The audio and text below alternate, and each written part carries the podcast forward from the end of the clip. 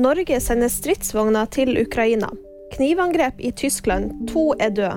Og Norge har mista VM-semifinalen. Norge sender stridsvogner til Ukraina. Norge har jo bidratt veldig tydelig i Ukrainas forsvarskamp helt siden krigen brøt ut. Det er viktig at vi fortsetter å gjøre det. Hvor mange stridsvogner kan det være aktuelt å bidra med? Det kan jeg ikke eh, svare på nå. Flere er døde og skada etter et knivangrep i Tyskland.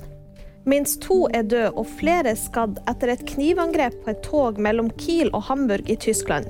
Det bekrefter tyske myndigheter. Gjerningsmannen, en 33 år gammel mann, er selv frakta til sykehus med lettere skader. Ifølge politiet ble 33-åringen overmanna av personer på stedet før politiet ankom. Tapte etter høyintenst VM-drama. De norske håndballguttene mista VM-semifinalen i siste sekund av ordinær spilletid i kveld. Etter fire ekstraomganger tapte håndballguttene sin største thriller gjennom historien og stillingen ble 34-35 til Spania. Det var VG-nyheter, og de fikk du av meg, Live Auskar.